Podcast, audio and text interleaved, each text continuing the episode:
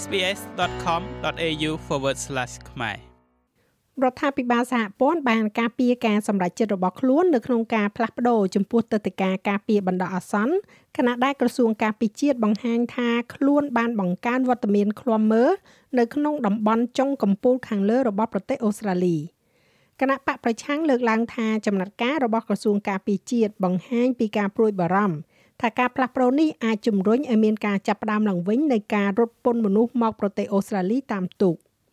ក្រសួងការពារជាតិអូស្ត្រាលីនិយាយថាខ្លួនបានបង្កើនប្រតិបត្តិការតាមនាវានិងយន្តហោះរបស់ខ្លួននៅក្នុងដែនទឹកភាគខាងជើងនៃប្រទេសអូស្ត្រាលីចំពេលដែលមានការរិះគន់លើការសម្រេចចិត្តរបស់គណៈបក Labor ក្នុងការបើកផ្លូវឆ្ពោះទៅកាន់សិទ្ធិស្នាក់នៅជាអចិន្ត្រៃយ៍សម្រាប់ជនស្វែងសុំសិទ្ធិជ្រកកោនរាប់ពាន់នាក់នៅដើមសប្តាហ៍នេះ អគ្គមេបញ្ជាការរងកងកម្លាំងការពារជាតិលោក David Johnston បានប្រាប់ការប៉ាន់ប្រមាណរបស់ព្រឹទ្ធសភា អំពីការកើនឡើងនៃការគ្រប់គ្រងដល់ប្រតិបត្តិការអធិបតេយ្យព្រំដែន OSB បន្ទាប់ពីការស្នើសុំពីមេបញ្ជាការលោក Justin Jones នៅក្នុងការសួរដេញដោលមួយជាមួយនឹងសមាជិកព្រឹទ្ធសភាគណៈបកប្រឆាំងលោក Simon Birmingham នៅក្នុងអំឡុងពេលសាវនាការប៉ាន់ប្រមាណរបស់ព្រឹទ្ធសភាកាលពីល្ងាចថ្ងៃពុធនោះលោក Johnston ពន្យល់ពីស្ថានភាពនេះ ប៉ុន្តែនឹងមិនត្រូវបានគេទាញទៅលើហេតុផលសម្រាប់ការឃ្លាំមើលដែលត្រូវបានជំរុញបន្ថែមនោះទេ I won't specify the nature of the លោក Johnston ខ្ញុំនឹងមិនបញ្ជាក់អំពីលក្ខណៈនៃការកើនឡើងនោះទេព្រោះវាឆ្លើយតបទៅនឹងកលតិសៈដែលមេបញ្ជាការអធិបតេយ្យភាពដែនដី បានស្នើសុំយើងប៉ុន្តែវាគឺជាលក្ខណៈនៃការឃ្លាំមើលដោយប្រើយន្តហោះបន្ថែមនាវាបន្ថែមដែលកំពុងតែល្បាតនៅក្នុងដែនទឹកភាគខាងជើងរបស់យើង។ លោកមើប៊ីងហែមសួរថាតើអ្នកបានទទួលសំណើពីមេបញ្ជាការនៃប្រតិបត្តិការអធិបតេយ្យភាពព្រំដែននៅពេលណាលោក Johnston ឆ្លើយថាយើងទទួលបានហើយការបង្កើតនេះត្រូវបានដាក់ឲ្យដំណើរការនៅក្នុងរយៈពេលប្រមាណសប្តាហ៍ចុងក្រោយនេះវានាំឲ្យមានការរិះគន់ពីគណៈបកប្រឆាំងសហព័ន្ធថាគណៈបក Labor កំពុងតែធ្វើឲ្យការគ្រប់គ្រងព្រំដែនចុះខ្សោយ។ រដ្ឋាភិបាលនេះកាលពីថ្ងៃច័ន្ទទី13ខែកុម្ភៈបានបង្ហាញឲ្យដឹងថាអ្នកកាន់ទឹកតការការពារបណ្ដោះអាសន្ននិងទឹកតការកន្លែងសុវត្ថិភាពចំនួន19000នាក់ដែលបានមកដល់នៅមុនពេលចាប់ផ្ដើមប្រតិបត្តិការអធិបតេយ្យភាពព្រំដែនក្នុងឆ្នាំ2013និងមានសិទ្ធិស្នាក់នៅក្នុងប្រទេសអូស្ត្រាលីជាអចិន្ត្រៃយ៍អ្នកនាំពាក្យក្រសួងមហាផ្ទៃរបស់គណៈបកប្រឆាំងលោកស្រី Karen Andrews មានប្រសាសន៍ថាចំណាត់ការរបស់ក្រសួងការពារជាតិអាចត្រឹមតែធ្វើឲ្យមានការកើនឡើងនៅហានិភ័យនៃការមកដល់របស់ទុកខុសច្បាប់តែប៉ុណ្ណោះ The government was warned about the impact រដ្ឋាភិបាលត្រូវបានព្រមានអំពីផលប៉ះពាល់នៃការផ្លាស់ប្តូរចំពោះគោលនយោបាយនៃប្រតិបត្តិការអធិបតេយ្យភាពព្រំដែននេះប៉ុន្តែពួកគេបានបន្តដំណើរការទៅមុខហើយពួកគេបានធ្វើការផ្លាស់ប្តូរដែលធ្វើឲ្យយើងងាយរងគ្រោះនៅទីនេះនៅក្នុងប្រទេសអូស្ត្រាលីនេះ។ លោកស្រីបានចោទរដ្ឋាភិបាលថាបានហែកចោលចំណុចសំខាន់សំខាន់នៃប្រតិបត្តិការអធិបតេយ្យភាពព្រំដែននេះ Many of us would remember the impact ពួកយើងជាច្រើនបានចងចាំអំពីផលប៉ះពាល់នៃគោលនយោបាយព្រំដែនដ៏បរាជ័យរបស់គណៈបក Labor ការមកដល់តាមទុកមនុស្សដែលស្លាប់នៅក្នុងសមុទ្រការមើលឃើញមនុស្សដែលត្រូវបានគេទាញចេញយកមកពីទឹកគ្មាននរណាម្នាក់ចង់ឃើញវាកើតឡើងម្ដងទៀតទេ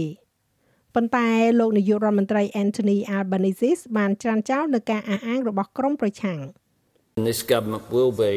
tough on borders without being រដ្ឋាភិបាលនេះនឹងមានភាពតឹងរឹងនៅតាមព្រំដែនដោយមិនមានភាពទន់ខ្សោយលើមនុស្សធម៌ទេហើយនោះគឺជាជំហរដែលយើងបានបោះឆ្នោតហើយនោះគឺជាជំហរដែលយើងកំពុងអនុវត្តរដ្ឋមន្ត្រីក្រសួងអភិវឌ្ឍអន្តរជាតិនិងប៉ាស៊ីហ្វិកលោក Pat Conroy រក្សាថារដ្ឋាភិបាលនឹងបន្តគោរពតាមគោលនយោបាយព្រំដែនដ៏រឹងមាំ I'm not going to comment on um operational matters ខ្ញុំនឹងមិនធ្វើអត្ថាធិប្បាយទៅលើបញ្ហាប្រតិបត្តិការទេប៉ុន្តែអ្វីដែលខ្ញុំអាចនិយាយបាន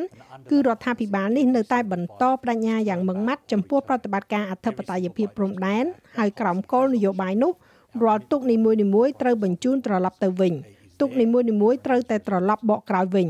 គោលនយោបាយនោះមិនបានផ្លាស់ប្ដូរទេការបដិញ្ញាចិត្តរបស់យើងចំពោះប្រតិបត្តិការអធិបតេយ្យភាពព្រំដែនគឺនៅទីនោះហើយវានៅតែមានការតាំងចិត្តទន្ទឹមនឹងនេះរដ្ឋាភិបាលសហព័ន្ធបានប្រកាសថាខ្លួននឹងបង្កើនចំនួនក្នុងការផ្ដល់ជូនសិទ្ធិស្នាក់នៅអចិន្ត្រៃយ៍ច្រើនជាងមុន3ដងសម្រាប់ប្រជាជនមកពីបណ្ដាប្រទេសប៉ាស៊ីហ្វិក គម្រោងឆ្នោតទឹកតការដែលនឹងចាប់ផ្ដើមពីថ្ងៃទី1ខែកក្កដានឹងមានកន្លែងបន្ថែមចំនួន3000កន្លែងដែលត្រូវបានបង្កើតឡើងសម្រាប់អ្នកចូលរួមដែលមានសិទ្ធិមកពីប្រទេសប៉ាស៊ីហ្វិកនិងទីម៉ូខាងកើតដែលមានអាយុចន្លោះពី18ឆ្នាំទៅ45ឆ្នាំប្រព័ន្ធនេះនឹងដំណើរការតាមរបៀបស្រដៀងគ្នាទៅនឹងប្រព័ន្ធកាតបៃតងឬក៏ Green Card របស់សហរដ្ឋអាមេរិក ដែលជ្រើសរើសអ្នកដាក់ពាក្យដោយចៃដន្យនិងផ្ដល់ឲ្យពួកគេនៅសិទ្ធិធ្វើការងារនិងផ្លូវដែលមានសក្តានុពលឆ្ពោះទៅកាន់ភាពជាពលរដ្ឋបេក្ខជននឹងត្រូវបានតម្រូវឲ្យស្វែងរកការផ្ដល់ជូនការងារជាផ្លូវការពីនយោជកអូស្ត្រាលីនិងឆ្លងកាត់ការធ្វើតេស្តសុខភាពចរិតលក្ខណៈនិងភាសាអង់គ្លេសជាមូលដ្ឋានលោក Conroy បានដាក់ស្លាកវាថាជារដ្ឋាភិបាលគោលនយោបាយប៉ាស៊ីហ្វិកដ៏ទូលំទូលាយនិងពេញលេញបំផុតមិនធ្លាប់មានពីមុនមក This is all about deepening our people to people នេះគឺស្ដីអំពីការធ្វើទំនាក់ទំនងរវាងប្រជាជននិងប្រជាជនរបស់យើងឲ្យកាន់តែស៊ីជម្រៅជាមួយតំបន់នេះហើយនេះមានសារៈសំខាន់ណាស់សន្តិសុខរបស់យើងនិងសន្តិសុខតំបន់ប៉ាស៊ីហ្វិកមានទំនាក់ទំនងគ្នាហើយការកសាងទំនាក់ទំនងរបស់យើងឡើងវិញគឺមានសារៈសំខាន់ណាស់រដ្ឋមន្ត្រីក្រសួងអន្តោប្រវេសន៍លោក Andrew Gills មានប្រសាសន៍ថា វាគឺជាផ្នែកមួយនៃការដេញថ្លៃកាន់តែទូលំទូលាយដើម្បីបង្កើនជនភៀសខ្លួនប៉ាស៊ីហ្វិកក្នុងប្រទេសអូស្ត្រាលី These reforms demonstrate to the Australian គំណែទម្រង់ទាំងនេះបង្ហាញដល់សហគមន៍អូស្ត្រាលីនិងគ្រួសារប៉ាស៊ីហ្វិករបស់យើងថាភាពជាដៃគូប៉ាស៊ីហ្វិកកាន់តែរឹងមាំដែលផ្ដោតទៅលើតម្រូវការនិងអតិភិបរួមគឺស្ថិតនៅក្នុងផលប្រយោជន៍ជាតិរបស់អូស្ត្រាលីនិងគ្រប់គ្រងស្ថិរភាពវិបលភាពនិងសន្តិសុខក្នុងតំបន់របស់យើង។ ចាស់ហើយរបាយការណ៍នេះចងក្រងឡើងដោយ Sam Binet Brooks សម្រាប់ SBS News និងប្រាយសម្រួលសម្រាប់ការផ្សាយរបស់ SBS ខ្មែរដោយនាងខ្ញុំហៃសុផារ៉ានីចង់ស្ដាប់រឿងរ៉ាវបែបនេះបន្ថែមទៀតទេ